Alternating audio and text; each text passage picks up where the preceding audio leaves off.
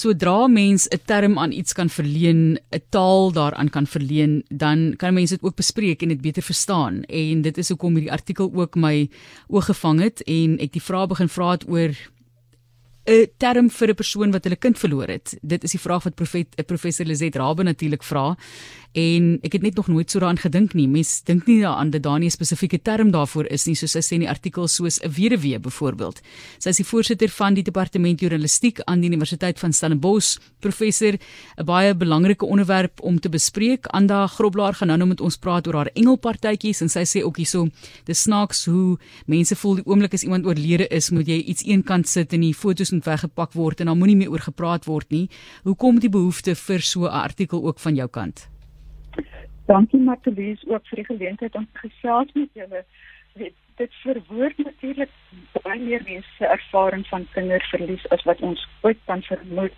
En die artikel was na aanleiding van Julie maand as by 'n Engels brief Parents Month wat ek as verweesde ouer maand vertaal het.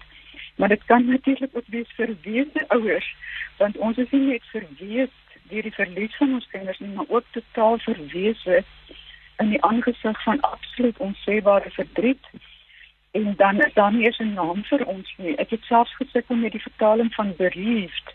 Dit is bedroef in Afrikaans, maar dit het vir my eerder die gevoel gehad van bereaved as as beroof. Ehm um, dat dat dit ons van ons kinders beroof het, dat ons kinders van hulle lewens beroof is. Um, en dit is seker alle ouers se grootste vrees is om 'n kind te verloor want as 'n mens daai pasgebore babatjie vir die eerste keer in jou arms hou, weet jy daar net een instink en dit is dat jy hierdie aarde op haar as sal omkeer om daai babatjie te beskerm. En hier was ons dan nou magteloos om ons kinders te beskerm van dit wat hulle lewens van hulle geroof het. Professor, dankie vir daai vertaling en ook die verduideliking van die term wat jy aan gedink het. So, miskien kan ons dit maar oopstel ook vir luisteraars om voorstelle te maak want soos ek genoem het, ek het onlangs met Dr. Almarik Mulder Craig 'n onderhoud gedoen oor die LBGTQ+ uh, kan ek maar sê alfabet en dat sy ook net gesê die oomblik as daar dit was vir snaaks en sy moes alles gaan vertaal, daar was nie woorde gewees nie en dat sy moes woorde gaan skep vir sekere kategorieë as ek dit net maar so kan stel, dis aklig om te verwys na alfabet of 'n kategorie, maar die belang daarvan om 'n woord om 'n term te kan heg aan iets wat so geweldig emotief en persoonlik is, is eintlik baie belangrik. So kan ons kyk of ons na vore met iets kan kom. Ja, weet jy, ek dink ons ons kan in die hele um, taalgebied soek na na na na woorde want dit is natuurlik een van die worstelings van ouers dat ek van 'n kind beroof is want jy het jou hele self, jou hele identiteit verloor. Die mens wat jy voorheen was, het saam met jou kind gesterf. Maar wie is jy nou? Watter identiteit het jy nou? As 'n mens 'n lewensmaat verloor het, is jy dan nou 'n weduwee of 'n weduwnaar? As jy jou ouers verloor het, is jy 'n weeskind of as jy 'n pa of 'n ma verloor het, 'n sogenaamde halwe weeskind? Maar watter naam is daar dan nou vir ons wat ons hele identiteit verloor het? en vir die res van ons lewens met worstel met die wete dat ons geliefde kinders nie meer hierdie lewe met ons deel nie. En dit ek so julle ruk gelede op die skryfwerk van professor Kala Holloway afgekom wat 'n professor in Engels en regte aan die Duke Universiteit in die VSA is wat ook 'n verweesde ouer is. En sy het in antieke Sanskrit gaan soek en toe nou op hierdie woord wiloma wat ek ook in die artikel gebruik het afgekom en die betekenis is teen die natuurlike orde teen die teen die orde van die natuur en weet jy hierdie woord het so aanklank gevind by mense wat die artikel gelees het. Ehm um, dit is net asof hulle dit dit aangryp en sê nou is daar ook 'n woord vir ons. Kom ons praat juis oor daai terugvoer. Jy sê dit was ongekende terugvoer vir artikel wat jy geskryf het. Ja, weet jy, ek ek skryf so baie oor oor so baie onderwerpe van psigiese gesondheid waar ek 'n 'n aktivis is vir die belang van psigiese gesondheid omdat ons ons kind verloor het aan 'n fatale depressie tot dan nou my vakgebied wat die media is. Maar hierdie artikel het van die meeste waarderende reaksie gekry tot nog toe waarvoor ek verskriklik dankbaar is want dit is asof dit vir verweesde ouers 'n stem gegee het in 'n samelewing wat liewer nie deur verdriet en verlies gekonfronteer word nie. En dis ook reg so. Dis teen die mens natuur om te moet saamlewe met so 'n absoluut alles verterende verdriet.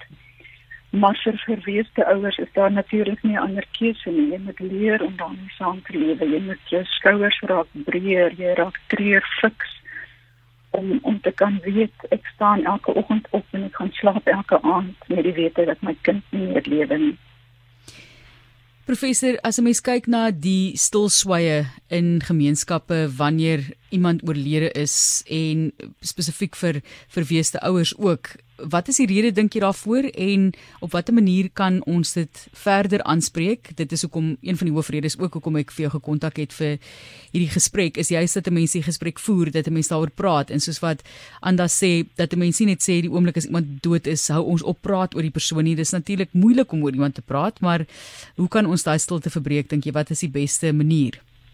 Ja, maar ek dink daar's absoluut begrip van van verweesde ouers se kant vir mense wat nie weet hoe om met ons om te gaan nie want ons stel eintlik ons is eintlik die beeld van dit wat hulle die meeste vrees.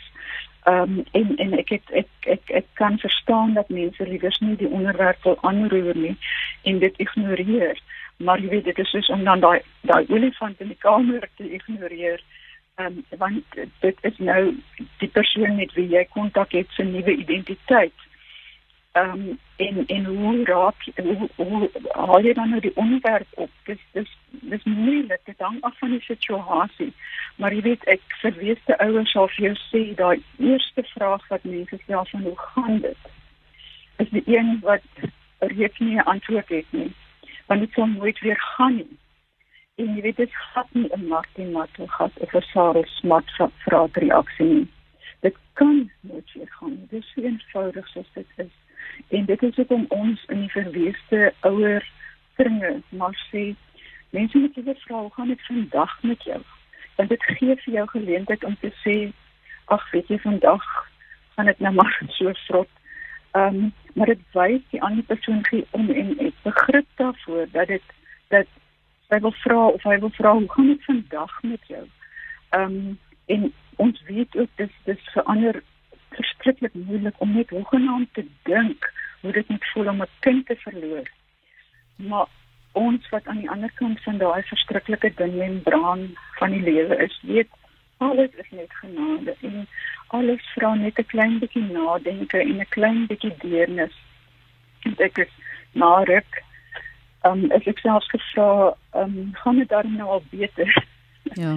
Ja, jy weet nou sê jy vir jouself nou, hoekom moet dit darm nou al beter gaan? Mense wil amper sê maar hoekom dink jy moet dit beter gaan? Dink jy my kind is minder dood dat dit darm nou al beter met my net gaan? En ek weet weer eens ek het ons begrip daarvoor, maar dis dis amper 'n oerinstink om liewer nie te vra nie, want so keer jy half die noodklop wat dalk na jou kant kan mik. Ehm um, en dis die rede ook hoekom mense die onderwerp dus nie wil opper nie want ook jy kan die gevaar loop dat daar dalk 'n tsunami van trane oor jou gaan spoel en daarvoor is jy glad nie voorberei nie. So maar daar's daar's regtig maniere maar net 'n klein bietjie omgee van hoe gaan dit vandag met jou? Ehm um, en en jy weet daai klisjées, nie dit gebruik van dit ehm um, die die die mooiste roos is in die hemel of so nie. Nee, die mooiste roos moet hier by ons wees. Ehm um, so so weet ehm um, en ek ek weet ek sê dit ook met deernis en begrip vir mense wat nie aan hierdie kant van die verskrikking is nie. Dat dit mense dat mense dit goed bedoel. Maar ehm um, dit dit dit dis moeilik om te dink nee maar dis daarom nou nie regverdig um, dat die mooiste rose op 'n ander plek nie blom nie hier by my nie.